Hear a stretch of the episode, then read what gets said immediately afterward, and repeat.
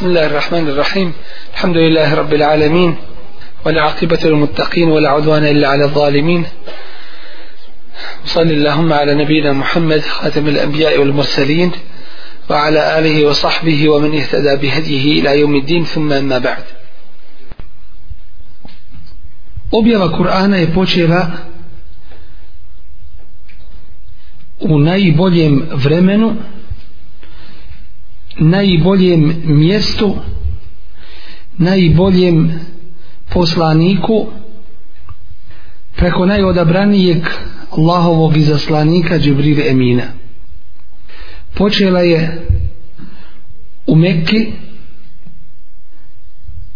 u Lejlatul Qadru kao što kaže uzvišni Allah inna enzelnahu fi Lejlatim Mubaraka mi smo ga objavili u blagoslovljenoj noći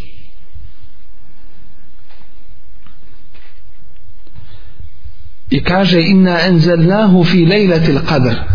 mi smo ga objavili u lejletul qadru dakle u najboljem mjestu i najboljem vremenu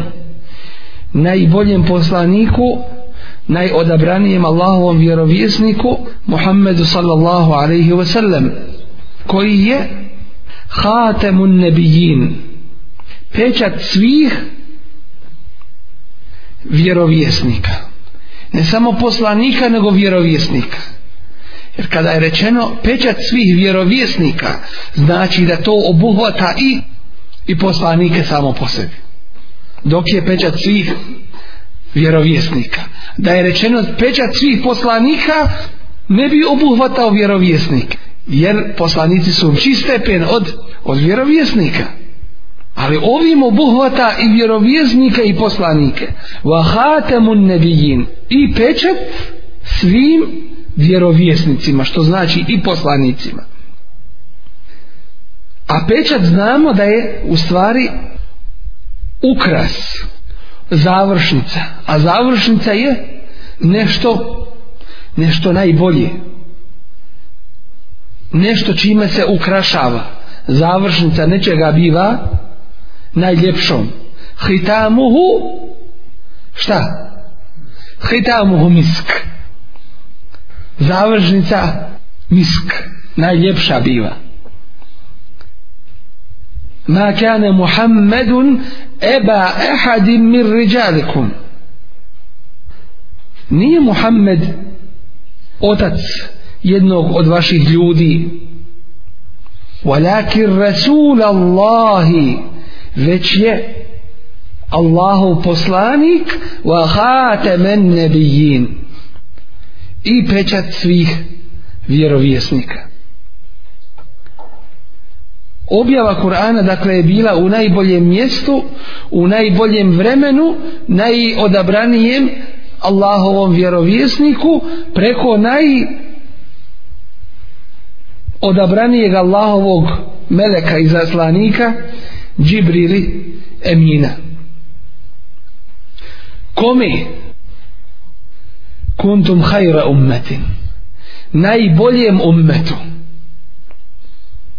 jer uzvišen je Allah te baraka wa ta'ala kad daje zaista neograničeno daje najboljem ummetu koji se ikada pojavio među ljudima i koji će se ikada pojaviti a to je ummet Allahovog poslanika Muhammeda sallallahu alaihi ve sellem tako da će on imati posebno ovaj ummet imaće posebno odličje posebno odlikovanje na sudnjemu danu svi narodi će dobivati svoje nagrade kirat, kirat dakle po svojim zaslugama Pitali su ashabi Allahovog poslanika sallallahu alaihi wasallam koliko je kirat jedan. A on kaže koliko brdo uhud. A onda će doći ovaj ummet na sudnjem danu pa će njemu ovome ummetu biti data dva kirata. Dakle, dvostruko će biti nagrađivan. Pa narodi koji su bili prije nas, ehlu kitab, ehlu kitab sljedbenici Musa alaihi salam koji su, kako se spominje u hadisu Allahovog poslanika alaihi salam bili do podne, dakle radili od jutra, od sabaha pa do podne ako bi se ovaj svijet mogao ili ako se ovaj svijet podijeli na jedan period ili jedno vrijeme dana dakle oni su radili od izutra do podne pa su došli sljedbenici Isa a.s. pa su radili od podne do, do Ikindije a onda je došao ovaj ummet pa je radio od Ikindije do Akšama to jeste do do kijametskog dana a poznato je da je vrijeme od sabaha do podne najduže onda i zato ga od podne do Ikindije a onda iza toga od ikindije do akšama podne, od podne do ikindije ili vrijedme od podne do ikindije duže nego ono od nego ono od ikindije do akšama pa kada bude dvostruka nagrada data ovome ummetu ljudi će se požaliti uzvišenom Allahu tabaraka vatara kako to njima dvostruka nagrada a on će ih pitati a jesam li vas nešto zakinuo hel zalendukum jesam li vam kakvu nepravdu učinio ste li vi dobili svoju nagradu koja vam je obećana oni kažu jesmo uzvišeni Allahu a onda će on odgovoriti hada fadli uti imen eša ovo je moja blagodat koju dajem kome hoću svakako da efvalijet ovoga ummeta ima svoje uslove a najbolja generacija koja nam je primjerom jeste generacija ashaba i uzvišen Allah tabaraka wa ta'ala postavlja taj mizan u Kur'anu i spominje i kaže svima nama koji dolazimo nakon njih fe in amentum bi misli fe in amenu bi misli ma amentum bihi fa in amanu ako budu vjerovali to jeste drugi koji dolaze nakon vas ili oni koji nisu u vašem mjestu i vremenu ili oni koji još uvijek nisu kao vi govor je upućen ashabima Allahovog poslanika Rezaca. Fa in amanu bi misli ma amentum bi, kao što vi vjerujete, fa kad ih onda su na pravome putu wa in tawallaw ako se okrenu fa inma hum fi shiqaq onda su oni ti koji stranjaju rekli smo shiqaq to je arapska riječ cijeli Kur'an je arapskog jezika čistog arapskog jezika shiqqun u arapskom jeziku znači strana može biti strana ljudskog tijela ili strana prostorije i tako dalje. Šikak znači da je neko na jednoj strani, a ti na drugoj strani. U ovom slučaju objava na jednoj strani, a ti šik na drugoj strani. Šikak, mi kažemo stranjanje, ideš na stranu. Znači, nećeš onako kako je pravo i ispravno. Što se tiče ovoga vremena u kojem je objavljeno, rekli smo šehru Ramadan to je mjesec Ramazan u kojem se mi sada nalazimo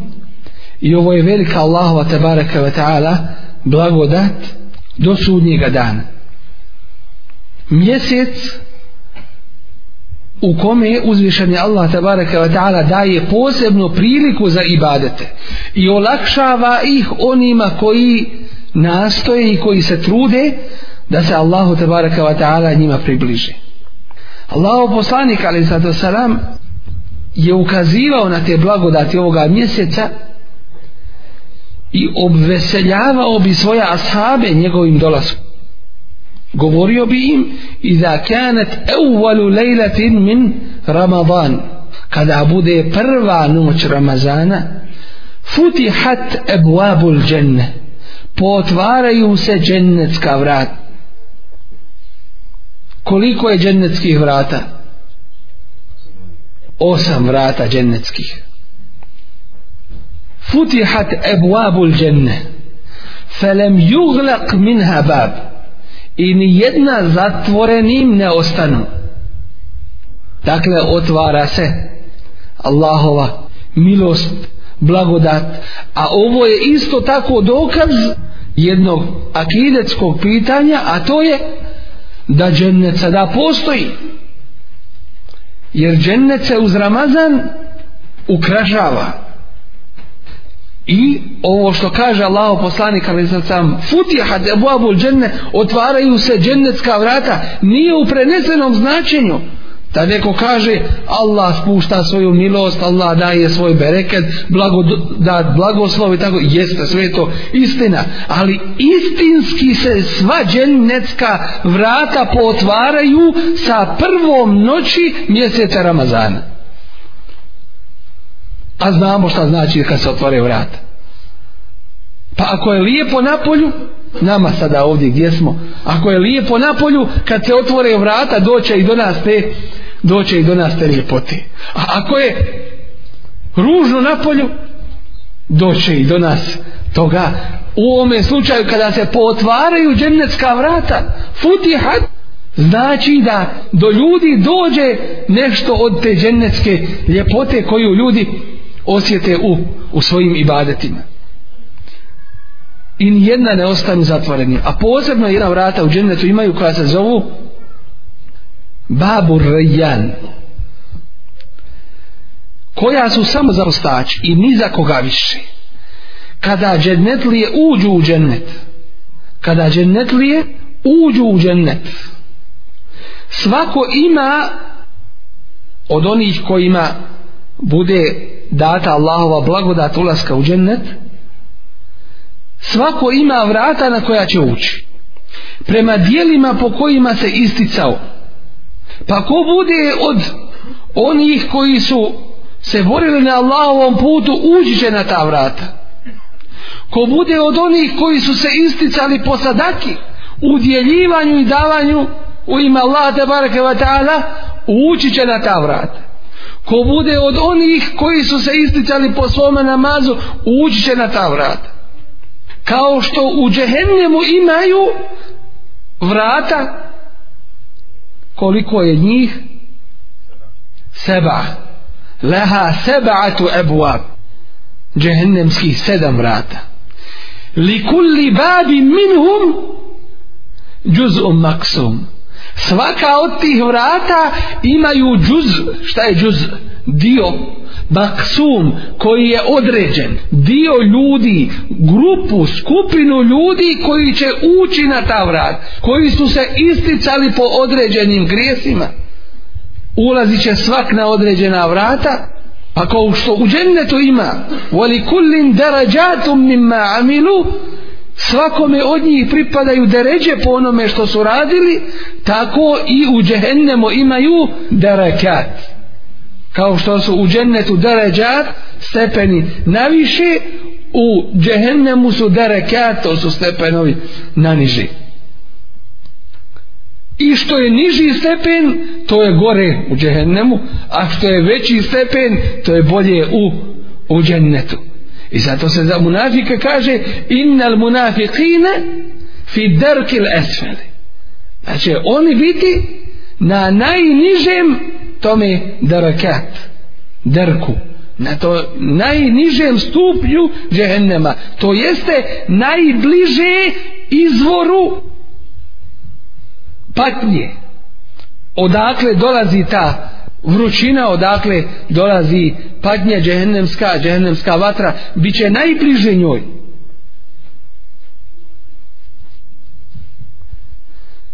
Pa ko bude od onih koji su se isticali po postu, a kako isticali?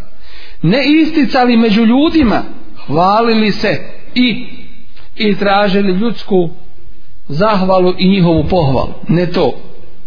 nego kod Allaha tabaraka wa ta'ala jer post je ibadet između čovjeka i njegovog rabba i njegovog gospodara kao što se kaže u hadisi kuciju illa sijam osim posta šta osim posta sva druga dijela se nagrađuju desetorostruko najmanje što ćeš dobiti nagradu za neko dobro dijelo jeste deset orostruko, deset puta. Men džaje bil hazenati felehu ašru emsali. Ko dođe sa dobrim dijelom na sudnji dan, dođe, na, dakle nije ga pokvario dok je došao do Allaha tabaraka wa ta'ala. Drugim dijelim, koliko je važno da uradiš dobro dijelo, toliko je važno da ga očuvaš do trenutka dolaska do Allaha tabaraka wa ta'ala, do susreta sa Allahom tabaraka wa ta'ala, da ne pokvariš to dijelo. Hvaljanje među ljudima, da kažeš, e, da znate kakav sam ja i šta sam ja. Ja sam Evlija. Ja sam ovaj. Ima tako ljudi koji govore. Ili pokvari širkom neuzubila. Širk briše sva dobra dijela. Ostavlja čovjeka kao na ledini. Bez igdje ičega. Bez kuće i kućišta. Bez krova nad glavom. To je taj širk. Vabudullahe. Vabudullahe Vala to šreko bihi še. Allahu ibadet činite. I nije rečeno u čemu, nego u svim vrstama koliko god više možete. Ali je rečeno kako? Nećemo reći nije rečeno kako. Jeste rečeno kako. Jer ako ne uradiš kako treba, ne vrijediti. I badet Allahu činite svim vrstama kako, koliko god ste u mogućnosti, ali kako treba, uz jedan vrlo važan šart, a to je nemojte mu širku činiti nemojte mu širk činiti jer najko širk čini makar klanjo, postio i mislio da je musliman nikakve koristi nikakve koristi od tih ibadeta nema dakle najmanje koliko će čovjek biti nagrađen jeste desetorostruko za dobra djela koja se učine iskreno ima Allah tabaraka wa ta'ala i slijedeći Resula sallallahu alaihi wa sallam falahu ašru amtalija ila sebe ni eti dhef do sedam stotina puta imate ljudi koji će za određena dobra djela sedam stotina puta više nagrađeni biti zavisno od njegovog imana jer isto djelo je možda kod nas u našim očima ono što se vidi među ljudima isto djelo dvojica ljudi uradili ova će imati određenu nagradu najveću što jer je njegov ima veći iman cijelog ovoga umeta ne može se porediti sa imanom koga Ebu Bekra radijallahu anhu iman vjerovanje čvrsto Ashab na uhudu kaže tako mi Allah osjetim miris dženneta koji je to iman tih ljudi leti hita da se odaziva zatim od ihlasa iskrenosti prema Allahu te bareke vada i puno dosta toga a između ostalog što je i najvažnije Allahove milosti i blagodati i njegovog znanja i mudrosti daje kome kako hoće a on te bareke vada najbolje zna illa sijam osim posta fe innehu li wa neđzibihi jer on meni pripada i ja za njega nagrađuju kaže Allah tabaraka wa ta'ala dakle posebna nagrada mimo ove spomenute mimo ovoga procenta i ovoga prosjeka desetorostruko do 700 dina puta posebno se post nagrađuje zato što je to tajni i baret zato što se u postu ne može čovjek nikome prikazivati to je između tebe i Allaha tabaraka wa ta'ala posebna vrata su na džennetu koja se zovu Ar-Rejan i na njih će samo ući postači i niko drugi i kada oni uđu zatvorit će se i više niko na njih ući neće znači svako ko posti kažemo ne znači jer nije svačiji post taj post koji se traži ovom vjerom kod nekih ljudi post je da ne jede, ne pije i da se sustegne od uživanja. Ali to nije sve. To je jedan dio posta. Šta je sa ostalim što se traži od postača? A to je da ostavi kaulu zur i amelu zur i džehl govor neispravan zur je laž zur je neistina neispravnost uopšteno grijeh dok ne ostavi griješan govor i rad po tome griješnom govoru to jeste dok ne ostavi grijeh i griješenje wal džehl i džehl dok ne ostavi ko to ne uradi hadis Allahovog poslanika, ali sam sam kaže, Allah nema potrebe da on ostavlja hranu i piće. To jeste njegov post je gladovanje i žeć. I zato je post u stvari škola jedna odgoja, terbijeta. Ako uspiješ mjesec dana sebe savladat u tome, takvome jednome sistemu, sa Allahom te baraka ta'ala pomoći, nadati se da ćeš i u buduće, inša Allah, moći da se savladavaš da sebe nadzireš, da se kontrolišeš, da se usmjeravaš da budeš na pravom Allahom te barka ta'ala put.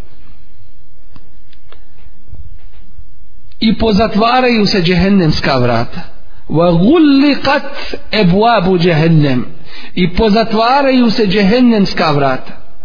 Fela jebka fela juftahu minha bab i nijedna od džehennemskih vrata ne ostanu otvorena sva budu zatvorena i to se kaže ne kaže se uglikat zatvorena budu nego gulikat pozatvarana budu zašto znamo da džehennem ima svoju žestinu je kadu temeljezu minal gajv umalo da se raspadne od žestine pozatvaraju se džehennemska vrata lillahi utaqaum minan nar u ovome mjesecu Allah ima one koje oslobađa džehennemske vatre pomislimo li mi od ovih noći mjeseca Ramazana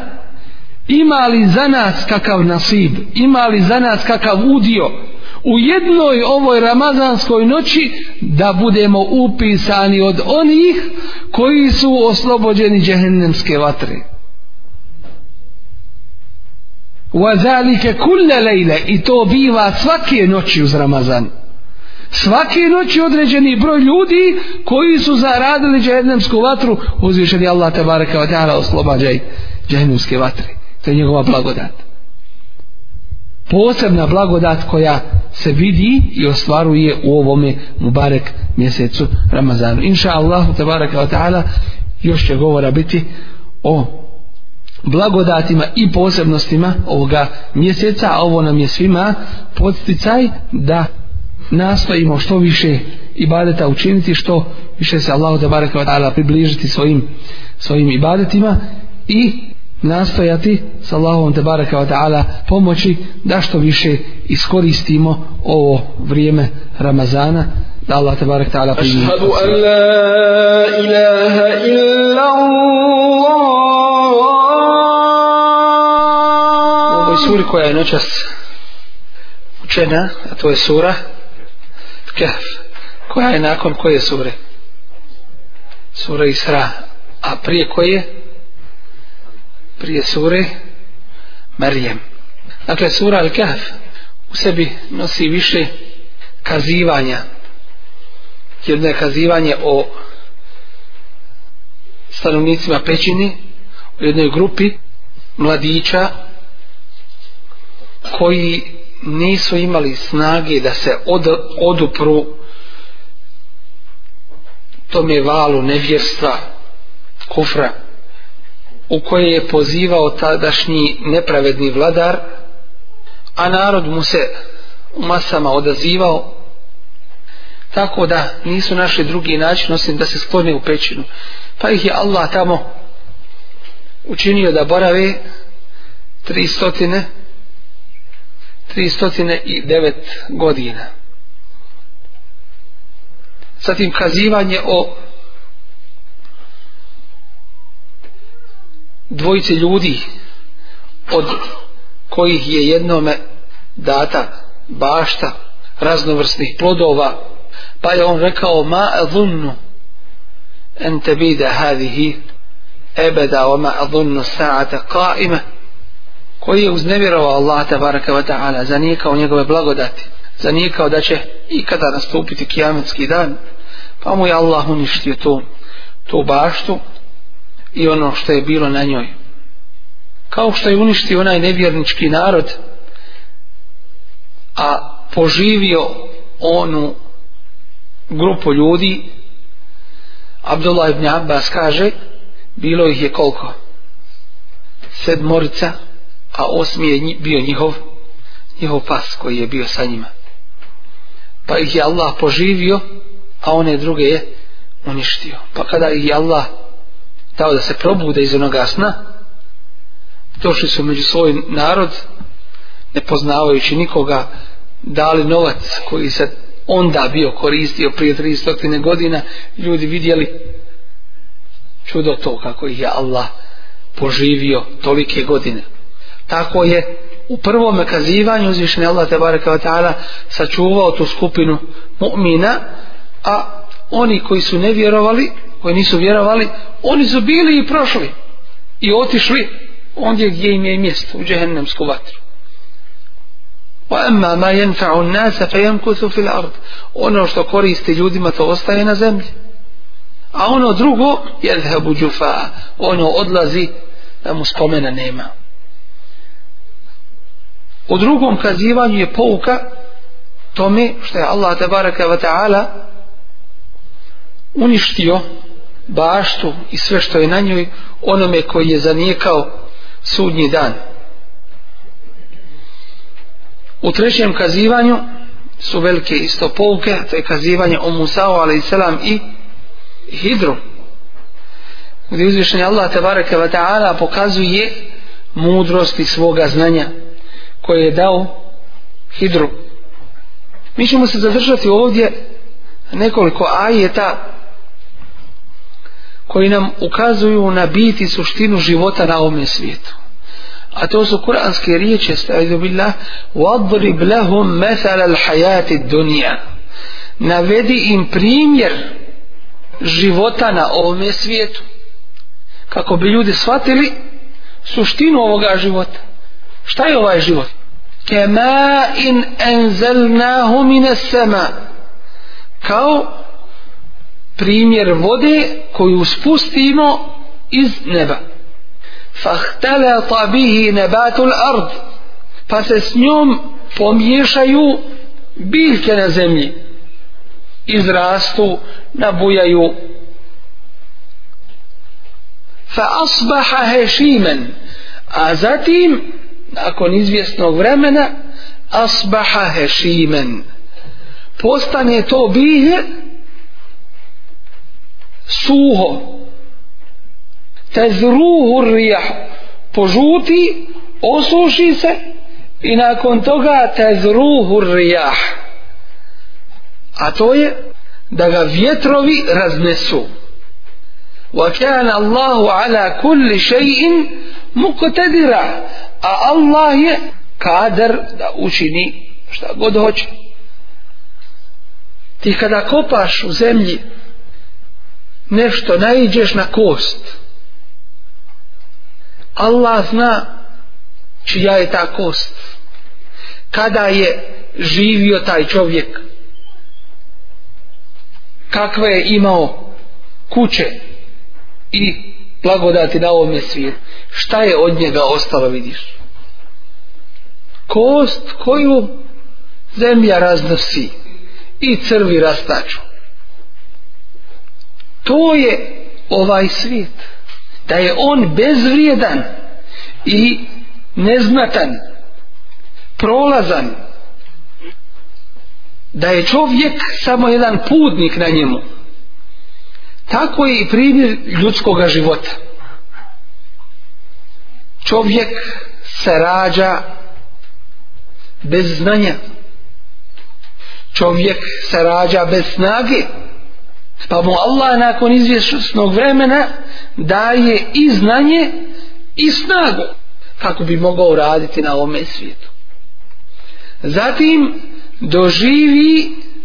svoje pravo i puno punoljetstvo a koliko je to i kada je to punoljetstvo pravo pravu zrelost koja je prava zrelost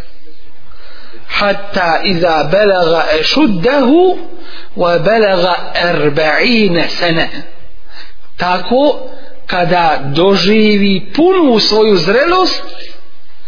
i dočeka 40 godina i zato je Allah poslanik ali i salatu wasalam od mudrosti zašto mu je došlo došla prva objava u njegovoj 40. godini u njegovoj 40. godini. Kada čovjek doživljava to puno svoje sazrijevanje, punu zrelost, za razliku od onog, one prve zrelosti, to jeste puno ljetstva, kada postaje mukellef, to jeste zadužen šarijatskim obavezama, odgovoran za svoje postupke u potpunosti a to ne znači da od toga vremena tek počinje učiti ne, uči se prije toga jer tad već nastopilo je vrijeme od sedme godine se uči kako namazu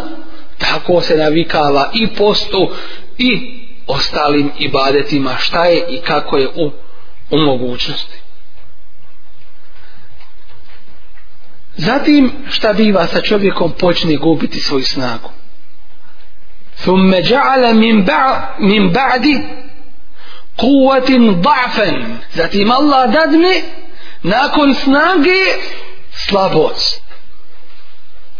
وشيبة i starost.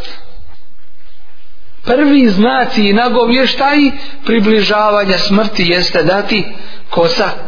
obijeli da osjediš. I zato u svojoj dovi Zekerija a.s. kaže وَشْتَعْلَ الرَّأْسُ شَيْبَ I moja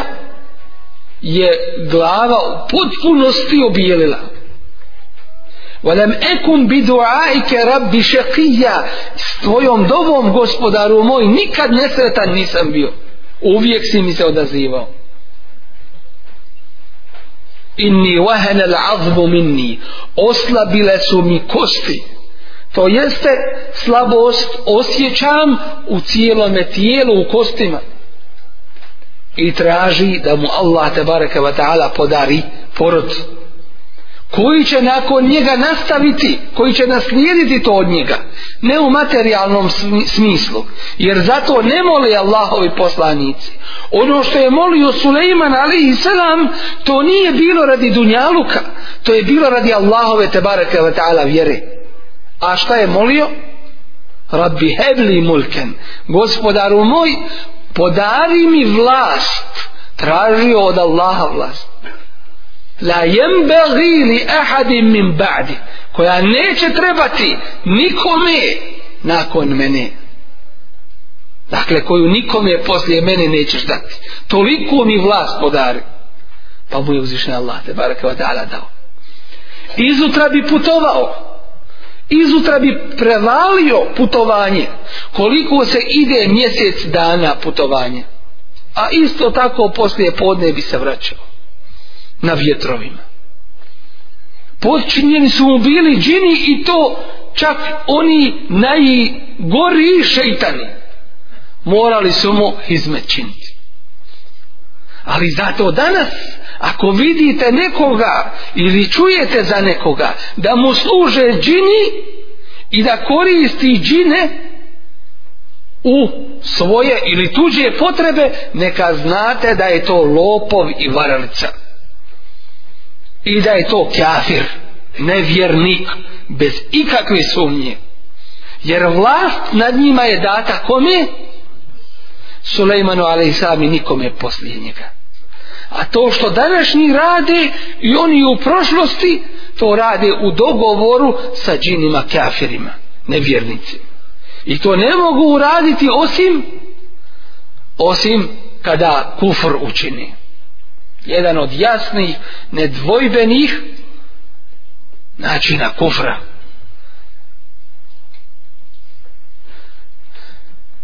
to što je Suleiman ali selam tražio nije tražio radi dunjalu da mu to bude cilj nego radi Allahove te baraka ta'ala vjeri ومن الشياطين من يغوصون له اي شيطان koji su ronili za njega vadili mu riznice iz mora ويعملون له عملا دون ذلك i druge mu poslove radili كل بناء i graditelji mnogi i tako dalje to je bilo za pomoć Allahovoj vjeri nije ga to zanijelo jer kada mu donose od kraljice Belkise i Save kada mu donose prijesto u treptaju oka to je jedna sekunda on kaže hada min fatli rabbi ovo je od blagodati gospodara moga to je prava čista akida svaku blagodat Allahu te baraka ta'ala vraća i pripisuje ne uzdiže sebe, ne hvali sebe, ne ističe sebe, jer on nije cilj, cilj je Allah tabaraka wa ta'ala. Hada min fadli rabbi, ovo je blagodat gospodara moga. Li je bluvani e eškuran ekfur, da me ispita hoću li mu biti zahvalan ili nezahvalan. i zato je širio Allahovu vjeru na cijeloj zemlji gdje god je čuo da ima nevjernika išao je da proširi Allahu te baraka wa ta'ala vjeru i koriste da mu je ta vlast dakle priroda i suština ovoga života je da je bezvri, bezvrijedan i da vrijedi ne bi ga Allah dao najgorim stvorenjima i onima koje najviše mrzi prezire i proklinje jer Allah takvima dobro ne bi dao dobro je pravo u uputi a iskušenje nekada bude kako u imetku tako i u neimaštinu bi šerri val hajri fitne mi bivamo iskušavani i u dobru i u zlu kao ispit jedan namad I zato naše razmišljanje, naša akida, naše ubjeđenje nije i ne smije nikada biti materialističko, dunjalučko. Učinio sam za Allahu vjeru nešto. E vidiš, potrošio sam vrijeme. Mogu sam sa ženom sjediti, popit kavu. Mogu sam djecu izvesti igrace. Dao sam u ime Allaha, vidi, nemam koliko sam imao. Ne, suprotno tome, ono što daš, to je tvoje. Jer ne imaš danas institucije, ne imaš osobe, ne imaš društva koje će ti garantovati da će ti odsučuvati sredstva. Samo to Allah te bareke ve taala garantuje. Ono što kod njega u ime njega položiš, to ti sigurno ostaje i umnožava se. Da se u hadisu spominje ke emsali džibal postaje kao brda veliko. Dođeš na sudnji dan pa se začudiš. Kažeš nije ovo moje, nisam ja to učinio. Hadis kaže uzima ga Allah tabaraka wa ta'ala i umnožava ga.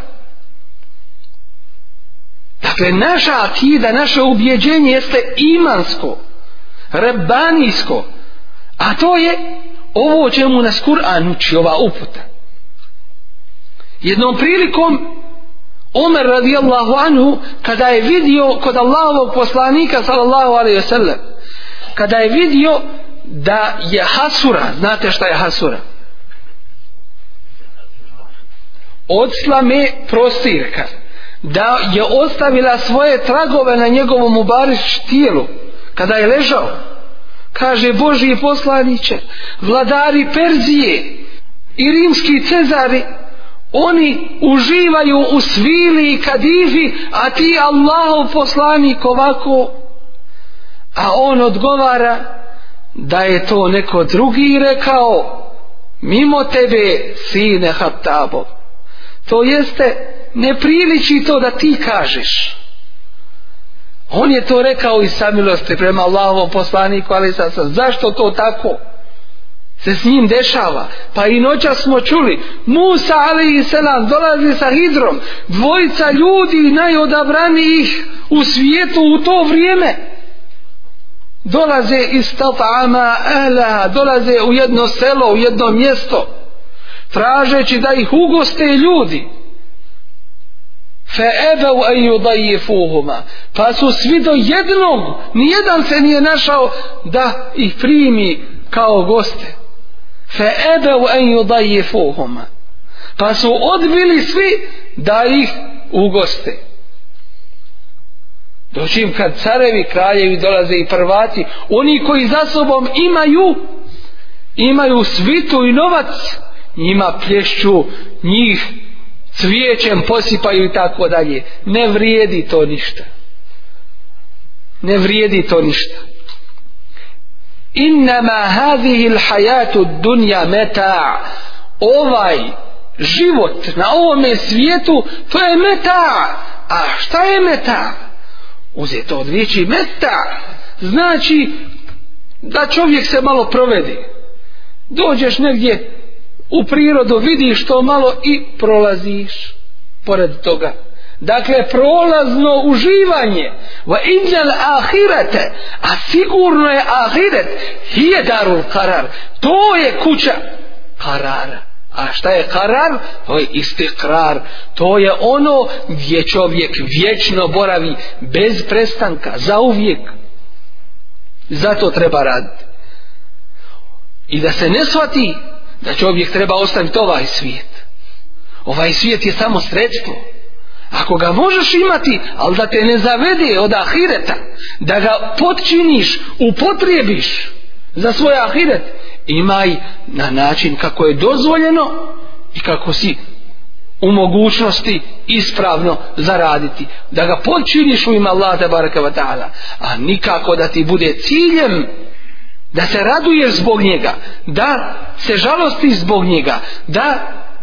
voliš zbog njega da mrziš zbog njega da ti je sve u tvome životu na tim materialističkim principima. Takav je rob dinara i dirhema i zasigurno da će takav biti nesretan kako na ovom tako i na budućem svijetu.